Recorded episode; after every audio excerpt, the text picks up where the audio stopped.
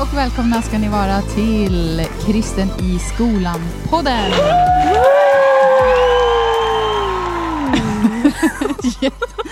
ett underbart, eh, ett sånt, eh, vad säger man, eh, liksom ett droppande. Woo!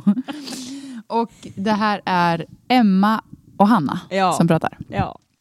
Andreas är inte med oss idag. Nej. Är det skönt att ha det killfritt eller är det tråkigt? Nej, vi behöver inte... jag var så här, ja, jag kanske tänkte det, men jag tänkte jag ska inte säga det. Nej, nej, vi älskar Andreas. Vi saknar Andreas. Lätt. Han kommer komma tillbaka någon annan gång. Men idag är det du och jag. Ja. Och vi eh, som producerar den här podden är ju Ny Generation, elev och studentorganisation, som ju kort och gott jobbar med kristna skolgrupper. Att stötta och starta och inspirera kristna skolgrupper över hela Sverige. Så eh, det är liksom, är du ung och lyssnar på det här och går i skolan så eh, vill vi uppmuntra dig att liksom hitta ditt sätt att berätta om Jesus i den stad där du bor och på den skola som du går. För att vi tänker att alla kan berätta om sin tro på ett eller annat sätt. Yeah. Yeah, nu känner jag mig verkligen som Andreas. Yeah, come on! Du, du sitter Ja. och hejar på allt jag säger.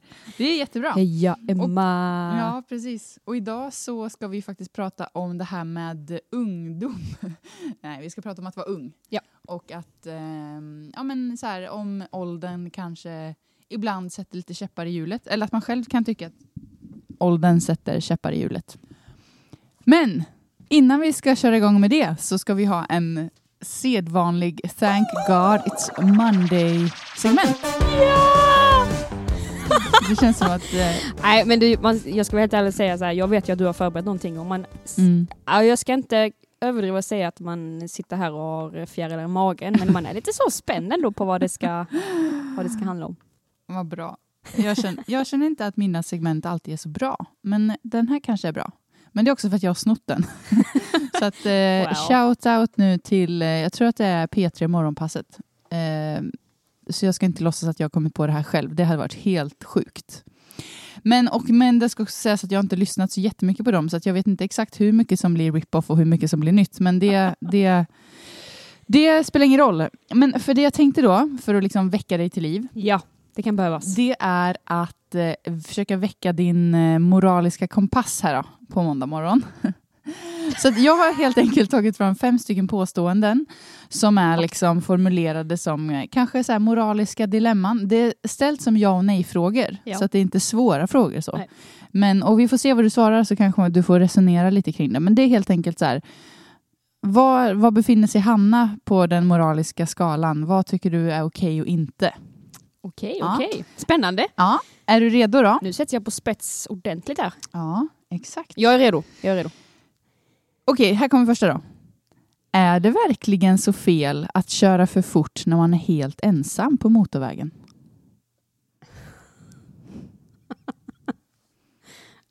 Eh, jag tycker det här är skitjobbigt. Är det sant? Ja. Oj, oj, oj. Eh, om vi säger så här då. Eh, ja, det är det ju egentligen. Du får ju bara, du får Men- bara ljuga och, och ta på dig glorian här. Ja, jag får kanske göra det. Eh, ja, det är ju egentligen fel, men om jag gör det, svar ja. Då går vi vidare till nästa. Ja. Eh, är det så fel att skynda sig till kassan när du ser att en tant med rollator kommer åt samma håll? Nej. Bra. Eller bra. Vad- det, jag ska inte bedöma det här. Okej. Är det så fel att ta sista kaffet på jobbet utan att börja brygga en ny kanna? Nej, det har jag gjort här några gånger. Men jag har också börjat eh, gjort, alltså tvärtom, att jag har bryggt den i. Ja. Så jag sitter i båda dikena kanske. ja. Men eh, det, jag tycker inte att det är så fel. Ta sista Nej, utan kaffet Att, ska väl ta slut någon gång? ja, och det är väl värre än att, att det står en halv kanna där som inte dricks upp och ändå Exakt. helst i vasken sen. Och hur jobbigt är det om man kommer till kaffebryggan och det slutar man bara sätter på en ny kanna kaffe? Det är inte supersvårt heller. Nej. Okej, eh, den här vet jag inte riktigt vad jag... Eh, den här, jag vet inte, min kreativitet slog eh, fel. Men är det så fel att råka spola ner sin guldfisk i toan? Alltså, det tycker inte jag. Nej, det, tycker jag Tänk om det är så här typ förbjudet eller någonting. eh, ja, Okej, om ja. du ska göra dig av med din guldfisk där ute så uppmuntrar vi dig att kolla upp eh, om det är okej att spola ner sin guldfisk i toan. Det kanske går under såna här, eh, detta får du inte spola ner. Och så är det så här, eh, pappershanddukar, husdjur, Guldfisk. guldfisk. Okej, sista då. Ja. Är det så fel att ge bort något man har hemma till någon i present? Eh, nej, det är det väl inte. Eh, men sen om jag hade gjort det, jag vet inte. Eller ja, alltså, mm, då kanske jag ska säga ja, det kanske är fel. Kanske. Eh, vad jobbigt, vad jobbigt Emma. Men jag tyckte ändå du gjorde bra ifrån dig. Ja, det är ju det som är grejen med det här antar jag, att man ska sitta här och knysta och bara, "Nej, jag vet inte, jag vet inte, jag vet inte. Ja, Men ja. precis. Och sen får ni väl som lyssnar avgöra om ni tror att Hanna svarade ärligt på de här frågorna eller inte. To be continued. To be continued. Jag kommer nog aldrig spola ner en guldfisk i toalettstolen. Nej, för, Men man vet ju inte. Jag har många år kvar till det va?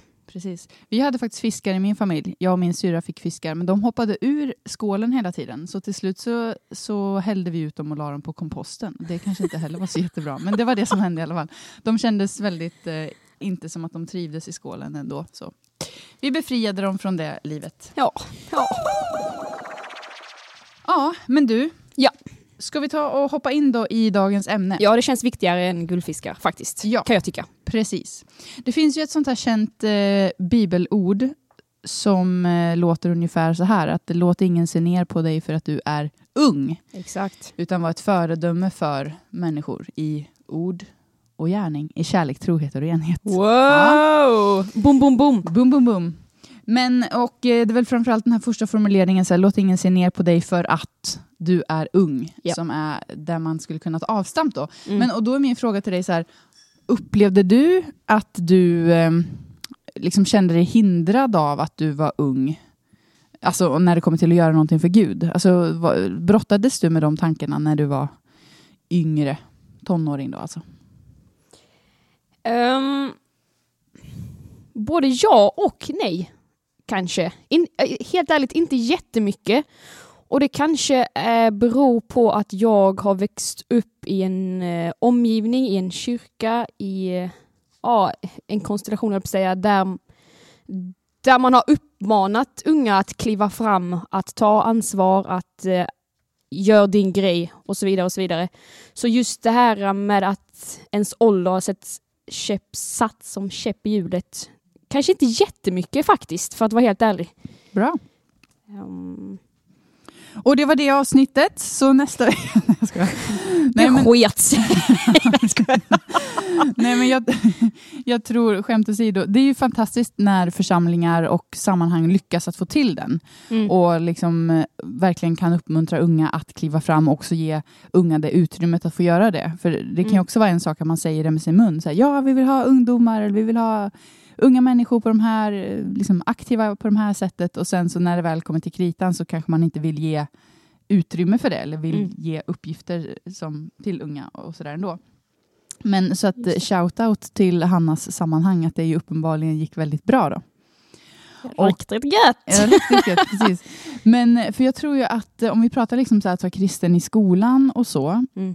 liksom i den tiden av livet, så kan ju det här med ålder, det kanske inte är så att man går omkring och tänker att bara, ah, jag är ung och därför kan jag inte göra någonting. Mm. Men man är ju fortfarande ganska liksom ehm, Alltså, man har många andra vuxna auktoriteter i sitt liv, alltså så så här, föräldrar eller kanske ledare i kyrkan eller lärare. Så att man är van på ett sätt att det alltid är någon annan som typ har kontroll eller som, Mm. som sätter regler eller så här. Mm. Och att det kanske kan vara svårt att tänka att ja, men, här kan jag faktiskt göra någonting själv. Eller jag, att, att man liksom tror på sig själv i den bemärkelsen. Att man litar på sig själv. Att jag klarar någonting. Jag klarar det här utan mamma och pappa. Eller jag klarar det här utan eh, min ungdomsledare. Eller jag klarar det här utan mina lärare. Nu Mm. fattar jag också att det såklart ser olika ut. Det finns ju någon som sitter och lyssnar nu och bara jag tänker inte så om min mattelärare. Kommer jag klara livet utan Kjell? Men! Shoutout till min mattelärare på gymnasiet. Han hade grym. du en lärare som heter Kjell? Nej. Nej, okej. Jag tyckte du sa det. Nej, Det men shoutout till honom. För Jaha, en shout. ja. Nej men, och att det, det kanske också att det hänger ihop, att det här med ålder hänger ihop med liksom att tro på sig själv i största allmänhet, liksom, att tänka att även fast man är, inte är färdig, man, ja, men man utvecklas fortfarande till den man är och man mm. lär känna sig själv mer och mer och så. Så, så kan man faktiskt vara använd av Gud liksom mitt i den processen. Man behöver inte tänka att det är efter studenten eller det är när jag blir vuxen, liksom, när jag blir gammal, mm. som Gud kan använda mig, utan att det också är här och nu. Att det finns liksom inget startskott för så här, oh, yes, jag blir 18 och då så blir Jesus också intresserad av att använda mig.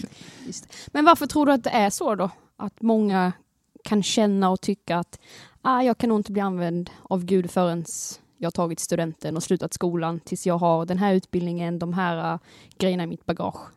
Du har ju ändå suttit här i på ny generation i, vad är det, 15 år ja. och eh, har väl pumpat ut detta budskapet att eh, vi tror på unga, Jesus tror på unga och eh, mm. hela det paketet. Så vad menar jag med det jag har sagt? Ja, vad menar du Emma? Nej, men jag tänker väl att så här, eller för det första om jag tänker tillbaka på min egen, framförallt eh, kanske högstadie och student, eller liksom gymnasietid så, så var det ju liksom eh, men allting ska ju... Man har inte så mycket erfarenhet. Så. Jag minns liksom första gången som vi startade en kristen skolgrupp och vi skulle försöka hitta på någonting för att berätta om våran tro och vi hade ju aldrig gjort det. Så man hade ingen... Man visste liksom inte så här, hur kommer det tas emot? Kommer det här bli bra? Eh, och så hade man lite tankar på så här, vad kommer folk tycka? Kommer jag bli... Alltså, man lever med, eller jag tror många lever med den osäkerheten. Så här, kommer jag bli utskrattad? För att man, har, man vet liksom inte som sagt hur det kommer tas emot. Och Det tänker jag hänger ihop med att man inte har hunnit levt så länge. Man har liksom inte så mycket erfarenheter av hur det kommer gå. Och man kanske aldrig har testat att dela sin tro. Alltså man kanske bara har gjort det några gånger. Så här, någon som frågar i skolan vad man har gjort i helgen och så säger man för första gången att ah, men jo, men jag är med i kyrkan så att jag var kanske på en ungdomssamling eller vi gjorde det och det med ungdomsgruppen i kyrkan och så. Mm. Så det är så mycket som är för första gången, eller det är så mycket som är liksom för första gången man ska sätta ord på någonting eller testa att göra någonting för Gud eller våga ta de där första stegen. Och det, jag tror det är den grejen som är det läskigaste, att, att när man inte har börjat att gå Mm. Eller när man är precis i början av sin vandring så, så har man heller kanske inte den naturliga självsäkerheten i att det kommer gå bra. Så att jag tycker ju ofta när både jag och andra har predikat om det här genom åren på Ny Generation, eller man har liksom rest runt och träffat många ungdomar och ungdomsgrupper och så, så är det ju just det som man försöker belysa, att Gud liksom, när han, när han vill utmana oss att ta steg med honom, eh, alltid gör det utifrån ett löfte att han också ska vara med. Alltså att det finns den här betryggande löftet att, att du blir inte... Det är inte så att Gud liksom lurar ut dig och sen bara så här... Loser! Lycka till! Typ. Utan att det verkligen är någon form av så här, Gud fattar dig i handen och mm. ni går tillsammans. typ. Och sen så, sen så, för att återkomma till din första fråga där, så här, hur...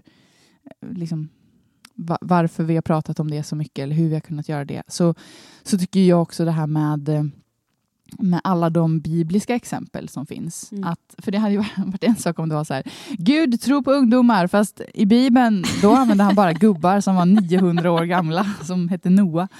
Då blir det också lite kanske paradox, mm. eller svårt att greppa så. Men, men att det faktiskt är så många exempel och så många viktiga exempel när Gud när Gud eh, faktiskt väljer ut någon som är tonåring. Alltså att han, när han får välja på vem han vill, att han fortfarande väljer någon som är oerfaren och ung. Mm. typ. Och då tänker jag inte minst på eh, Maria, som eh, man tror att hon var typ 14 år när mm. hon fick möte med ängeln Gabriel.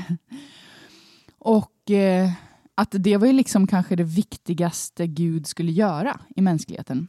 Mm. Att låta Jesus födas till den här jorden. Och, och, han hade väl kunnat välja vilken morsa där ute som helst. och ta vem som helst som, mm. som liksom hade koll på, på det där. Men ändå så väljer han en, en tonårsflicka. Och det säger ju någonting om Guds perspektiv också. Att så här, för honom så är inte det viktiga att du har erfarenheten och att du har åldern inne och att du mm. liksom eh, har alla bitar på plats utan att, att han, han letar efter ett visst typ av hjärta.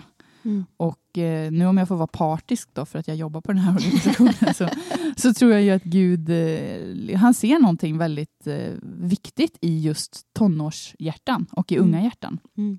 Kanske också för att han vet att när man, när man lever med vetskapen om att så här, det här har jag aldrig gjort förut, det här känns läskigt, det här är första gången som jag tar de här stegen, så här, då måste man kasta sig på Gud. Mm. Då måste man liksom låta Gud göra allting. eh, Och eh, det är väl det Gud också vill att, att vi ska göra.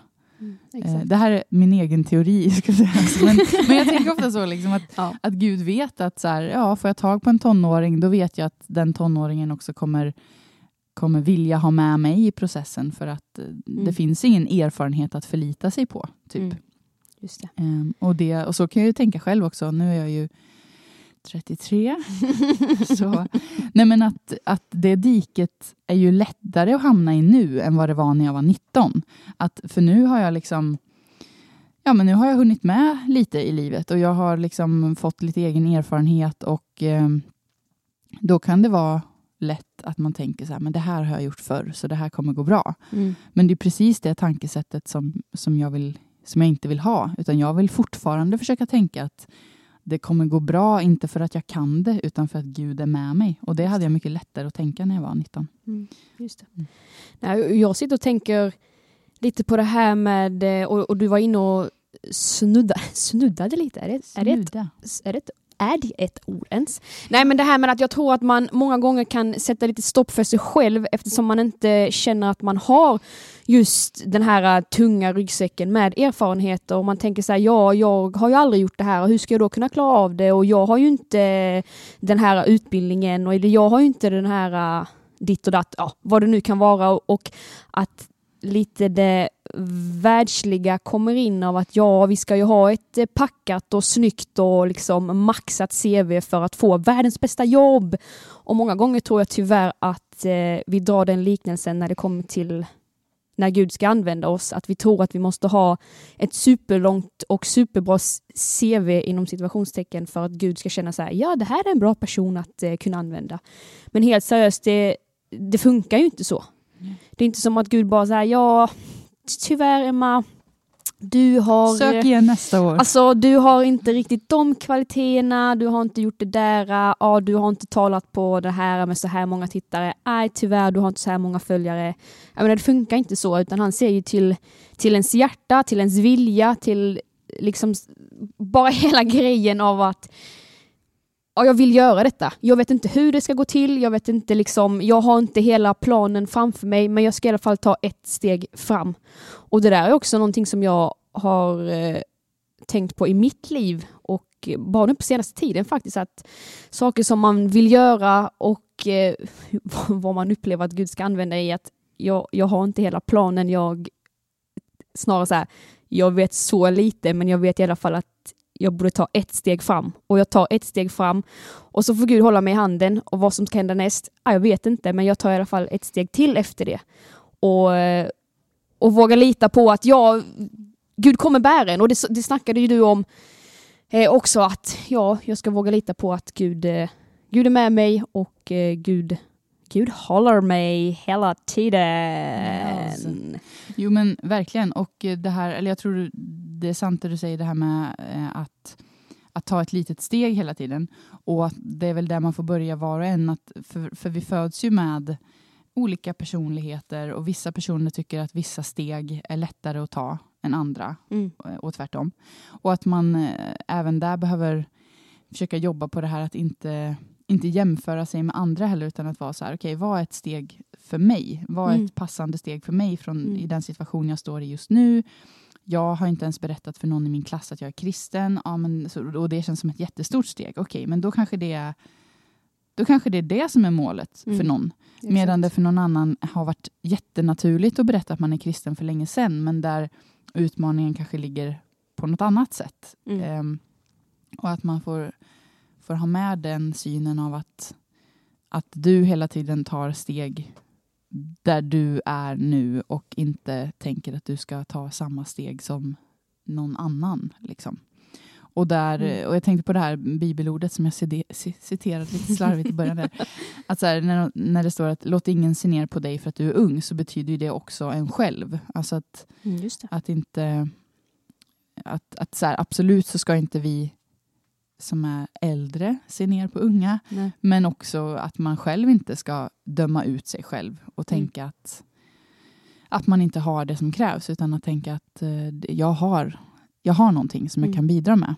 Jag kan vara ett föredöme trots att jag inte är eh, liksom, har gått ut skolan eller har hunnit Exakt. läsa Bibeln eller gått bibelskola eller vad man nu tänker är Just det. Just det. kriterierna Mm. för att bli godkänd. Mm. Ehm, och också bara touch i det du sa det här med att Gud aldrig frågar efter något CV och så. Nej. Och då tänker jag också så, vi lever i en tid där det är så vanligt att det alltid finns en jury. Jag har tänkt på det, det är en helt annan podd. Eh, Emma rantar om Svenska TV-programpodden. Nej men det, ja. Kort och gott, Det tyckte jag var roligt. jag ifrågasätter varför alla program vi tittar på ska innehålla en jury. Men det, Mm. som sagt, det, är det någon där ute som vill sponsra eh, den podden så hör av er. Men, ehm, nej men för det är så sjukt många program som handlar om att människor på olika sätt ska prestera någonting och så är det några eh, i en jury som ska bestämma om det är bra eller dåligt och om du går vidare eller inte. Och det spelar ingen roll om det är att du ska baka en kaka eller du ska laga någon mat eller du ska sjunga någon sång eller du ska dansa någon cha-cha eller du ska liksom, ja, det finns så sjukt många sådana, här sitter en jury och bedömer dig program. Mm.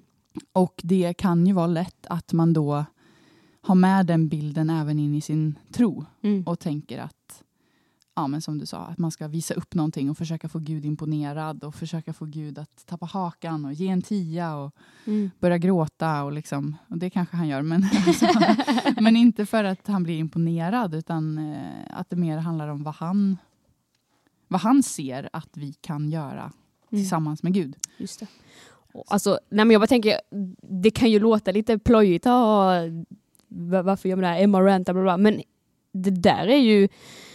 Jag, jag har inte riktigt reflekterat över det tidigare, men det är ju egentligen, för att bara vara spot on, eh, helt ärlig från mitt håll, att det är ju egentligen knasigt. Och det är klart att det påverkar en, för en sån kommentar, en åsikt om någonting som ligger en jättevarmt i hjärtat, det kan ju verkligen krossa allt och bryta allt, att man inte vågar eh, liksom leva vidare i, i det som man brinner för eller vad det nu kan tänkas vara. Mm. Och det... Nej, Jag, jag blir nästan så här... Frustrerad. Nej men och det, jag, egentligen så här, jag, jag blir bara... Ja, jag kan sitta här och säga att jag blir arg och frustrerad och jada, jada, jada, men jag blir kanske också mest bara ledsen av att av en sån grej kan, eller hur mycket det kan förstöra en ung människa. Att för tonåren, 12 till 18 eller vilken ålder man nu räknar som tonår, det är en turbulent resa. Det är massa saker som händer i ens liv, och fysiskt, psykiskt och andligt och hela paketet. Och man är skör, man är känslig på vissa punkter, man försöker hitta sin grej, hitta sina gåvor, hitta sina kallelser, hitta saker som man brinner för, som man tycker är kul. Och jag kommer en person som sitter och säger att du, eh, tyvärr, du är riktigt dålig på detta. Ja, såklart att man sätter ett täcke över huvudet och vill inte visa, visa det igen. Mm. Det, det har, det har eh, Ja men det, det har väl jag varit med om i mitt liv också så här som jag tror att jag har nämnt i något tidigare avsnitt så eh, jag vet inte. Eh, Jag har ju spelat jättemycket fotboll i, i eh, mina yngre dagar i ungdomsåren och det är klart kommer det en person som säger så här, ja Hanna du kan, du kommer aldrig kunna bli någonting. Mm. Ja, varför, varför, då känner man ju bara en hel meningslös av att komma till fotbollsträningarna och matcherna och det finns ingen poäng med det. Mm. Eh, oavsett om jag inte kommer att bli någon eller en stor person, hur man nu räknar det, så spelar det ingen roll. Men jag, jag ska, eller så här, man- måste tala tro in i, eh, i ungdomar och jag tänker eh, om man skulle liksom, om det är någon som sitter och lyssnar som kanske är lite äldre och som, eh, som har unga i sin omgivning, du kanske är ungdomsledare eller bara är ett stora syskon att det är Så i vårt sammanhang så är man alltså äldre från att man är 21 ungefär. Ja. Ja, kanske.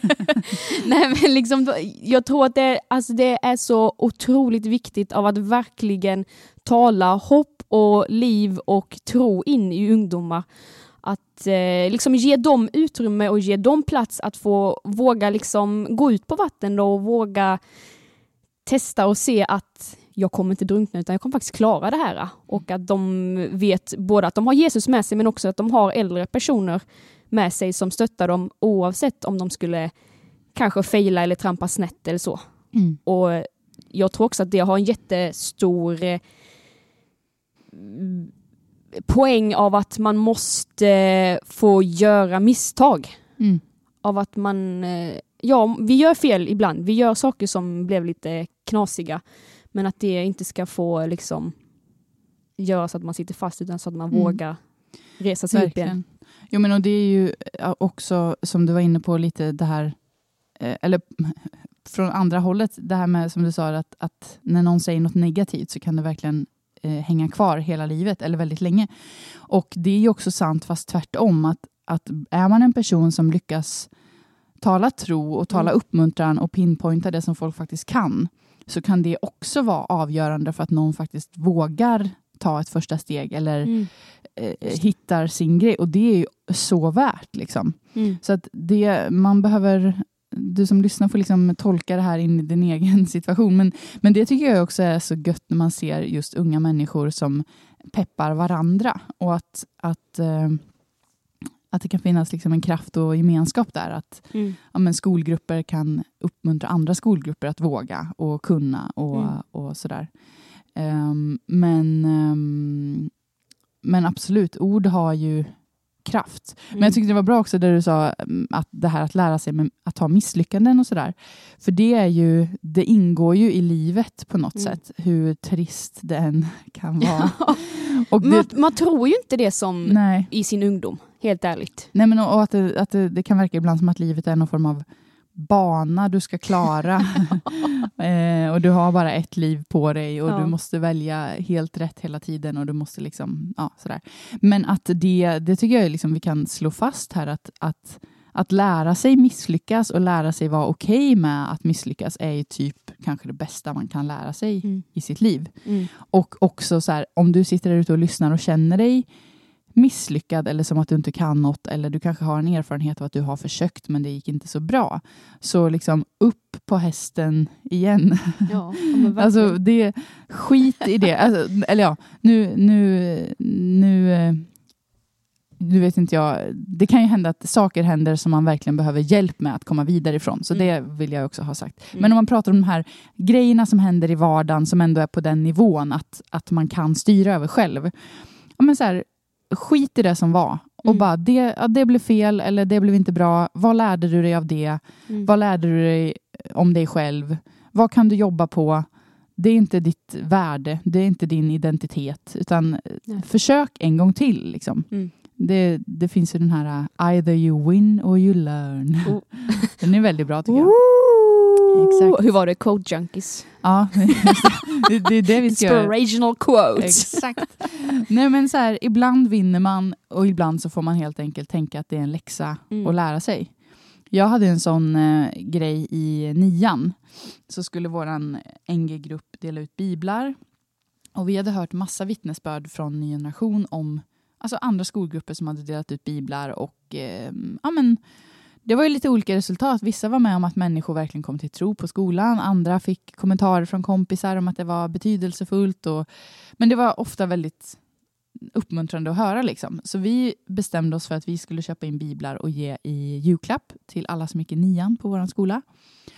Och eh, det var 125 personer som gjorde det. Så då hade vi slagit in dem och vi hade gjort något litet julkort och så tänkte vi att eh, vi ger liksom en påse då med biblar till varje, till varje klass och så kanske mentorerna kan dela ut dem som julklappar i samband med att man ska få sitt betyg i klassrummet. Nu vet inte jag om man får det längre, men på den tiden så fick man ett printat betyg från Mm. terminen som hade gått. Så då tänkte vi att så här, det kan mentorerna göra. Ja, och så fixade vi det. Och ehm, även i min klass, då, eftersom jag gick i nian, så hade ju min mentor fått en påse med biblar. Och jag hade ju sett framför mig att hon skulle säga så här, ja, och nu, nu ska ni få en liten överraskning från eh, Nya Nationgruppen på skolan och att hon skulle liksom göra en grej av det. Mm. Men det hon gjorde var att hon, hon ställde den här ICA-påsen på en bänk och så sa hon typ så här, ja, och eh, nu när ni går så här finns lite biblar från eh, Nya Nationgruppen om ni vill ha. Hej då, typ. Ja. Och alla var ju liksom sugna på att bara få jullov. Så Mm. alla bara skubbar ju ut. Och ungefär samma grej hade ju hänt i alla andra klassrum. Så att av 125 inköpta biblar så hade vi 121 kvar Mm. efter den bibelutdelningen. Och då hade också vår syokonsulent tagit en bibel. Hon var så här, åh får man ta? Jag, jag ska köpa julklapp till mitt barnbarn eller vad det var. Så här. Vi bara, ja varsågod ta en bibel. Men så jag tyckte ju att det var en supermisslyckad satsning. Liksom. Mm. Och inte alls så härligt som jag hade sett framför mig och tyckte ju bara att det här var ja, men, eh, både waste of time och eh, pengar och allting. Och också helt ärligt så här, besvikelse på, på Gud lite grann. Så här, Mm. typ, varför gjorde du inte att fler tog? Och jag hade ju sett framför mig att folk skulle läsa Bibeln under jullovet och komma tillbaka efter jul och bara Emma, jag Mm. måste ge mitt liv till Jesus. Ehm, men så dels så fick jag ju bara tänka att okej, det var i alla fall ett försök. Liksom. Jag, jag, jag, vi ville göra någonting för Jesus, vi gjorde Mm. ett försök. Mm. Och det var ju fyra pers som fick en bibel i alla fall. Och sen får man försöka tänka att inte lägga för mycket vikt då vid, vid sin egen bild, utan bara tänka att jag gör saker för Jesus och Mm. sen får, får det hamna där det hamnar och han får välsigna det på det sätt som han vill och sådär. Och det som var häftigt var också sen att flera år senare, typ sex år senare, så sprang jag på en, eh, en klasskompis hemma i min dåvarande församling i Falköping. Och då visade det sig att den här personen hade blivit kristen. Mm. Och jag, det var en person som var lite blyg så här i skolan så vi hade inte riktigt klickat eller pratat så jättemycket. Men eh, då berättade eh, den här personen då att eh, hela tonåren bara var ett så här, sökande efter meningen med livet och sökande efter någonting mer än det som, ja, det, som, det man pratade om. Liksom. Mm. Och att den där bibeln i nian eh, hade varit som ett steg på vägen att finna en tro på Gud. Mm. Så då var det som att så här, sex år senare så fick den där bibelutdelningen i nian en helt annan eh, betydelse. Mm. För då helt plötsligt så var det en person av de fyra som tog bibel som faktiskt hade mött Jesus tack Mm. vare den. Och då Exakt. kände man bara så här, ja ja skitsamma de där 121 biblarna som inte blev utdelade, ja ja det var, det var som det var liksom. Mm, just det. Ja, men vad, Ja. vad häftigt och jag sitter och tänker på ett väldigt liknande vittnesbörd från, eh, som har några år på nacken. Men eh, det är en tjej som heter Olivia. Olivia Berg. Och eh, storyn är i princip densamma, men när hon gick i femte klass så eh, delade hon också ut eh, en bibel till eh, en eh, klasskompis eh, som hade fällt lite taskiga kommentarer mot henne och bara var allmänt oskön. Men eh, hon gav bibeln och tänkte inte så mycket mer på det att eh, ja, här har du en bibel typ. Det, det är bra grejer. Eh, hon släppte det och sen var det inte så mycket mer med det. Men sen visade det sig att eh, när hon då går i nian, fyra år senare då, så får hon eh, träffa den här eh, tjejen som hade fått bibeln i, eh, i Olivias hemkyrka där de skulle ha en övernattning. Och då visade det sig att eh, den här bibeln var startskottet på eh, den här kompisens resa med Jesus och att eh, hon där och då hade blivit en kristen. Och eh, det i sin tur hade också lett till att eh, den här klasskompisens kompis hade också liksom tagit emot Jesus. Och Mm. jag tycker det är så intressant för att jag, om, om någon har kommit och sagt till mig så här, ja Hanna du ska göra den här saken här och nu men du kommer inte få se skörden förrän som fyra år. Alltså jag vet inte, helt ärligt, man hade ju inte blivit hur taggad som helst. Bara, ja okej, nu kör vi fyra år, jag kan vänta. Ja, men fyra år är ganska mycket. Och jag tror att det är väldigt lätt, eller för de som har en generationgrupp idag, att man, man sitter och tänker på det. Kanske ja, vi gjorde en satsning, vi, eh, vi hade en bönevecka där vi bad för klasskompisar eh, hit och dit, men Gud, du gjorde ju inget, vart är du? Och så känner man som du sa, lite besvikelse och man känner att ja, vad är det här värt? Det spelar ju ändå ingen roll. Men att man får påminna sig själv om att ja, Gud ser ju allt vi gör. Mm. Han ser exakt varenda sak vi gör. Han ser varje tanke vi har in, alltså för våra klasskompisar. Han ser varje bön vi ber i vårt sovrum oavsett om det är liksom en minut eller 15 minuter, en timme.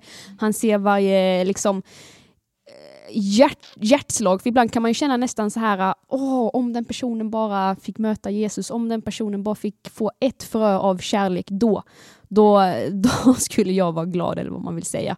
Men att återigen, Gud ser allt, all, allt, allt, allt som vi gör med vår NG-grupp och jag tror man, man bara måste påminna sig själv om att det, det är inte förgäves det här och att eh, oavsett om det inte blir som man tänkte sig så ska jag fortsätta köra på. Mm. Eh, det har inte någonting med oss att göra, det har inte någonting med mig att göra, att jag är ett misslyckande, att vi gjorde det dåligt eller vad det nu kan tänkas vara, utan att man fortsätter, fortsätter köra sin grej och eh, vara uthållig. Jättebra. Och eh, jag tror som du säger det här med att tänka att, att vi att Gud ser allting och, mm. och kan göra någonting. Det är väl eh, superbra att ha med sig. Särskilt där att eh, komma tillbaka till just när man är ung och att mm. inte liksom döma bort det man gör utan istället tänka att jag gör vad jag kan, jag gör det så bra jag kan, jag gör det på det mm. sätt jag kan och Jesus ser det och det är för honom jag gör det och mm. inget annat. Liksom. Det kanske kan få bli slutklämmen för det här. Eh, slutklämmen! Ja men bra, grymt. Ja. Låt ingen se ner på dig för att du är ung. Kör din, kör din grey. Kör, kör ditt race. Ditt race. Nej, men det är viktigt. Det är viktigt. Grey. Um, ja, ja, verkligen. Och sen så eh, om, man, om vi ska ha liksom om vi får ha varsin sk slut skick, skicka med. Skick med. Skick med. så, så tänker jag här om, om jag får agera tanten då här i sammanhanget. Yeah, så, um, nej men att så här, att försöka även när man är tonåring att, att våga vara sig själv och mm. våga köra på det man... Ja, men, försöka hitta sitt sätt, som sagt. Att, eh, att leva för Jesus i sin vardag och berätta om Jesus i sin vardag. Och eh, det är liksom... Folk kommer alltid ha åsikter om en mm. och folk kommer alltid tycka och tänka och det kommer alltid finnas människor som tycker att man beslutar fel och väljer fel och som inte kan förstå varför man gör ett visst livsval eller inte och så.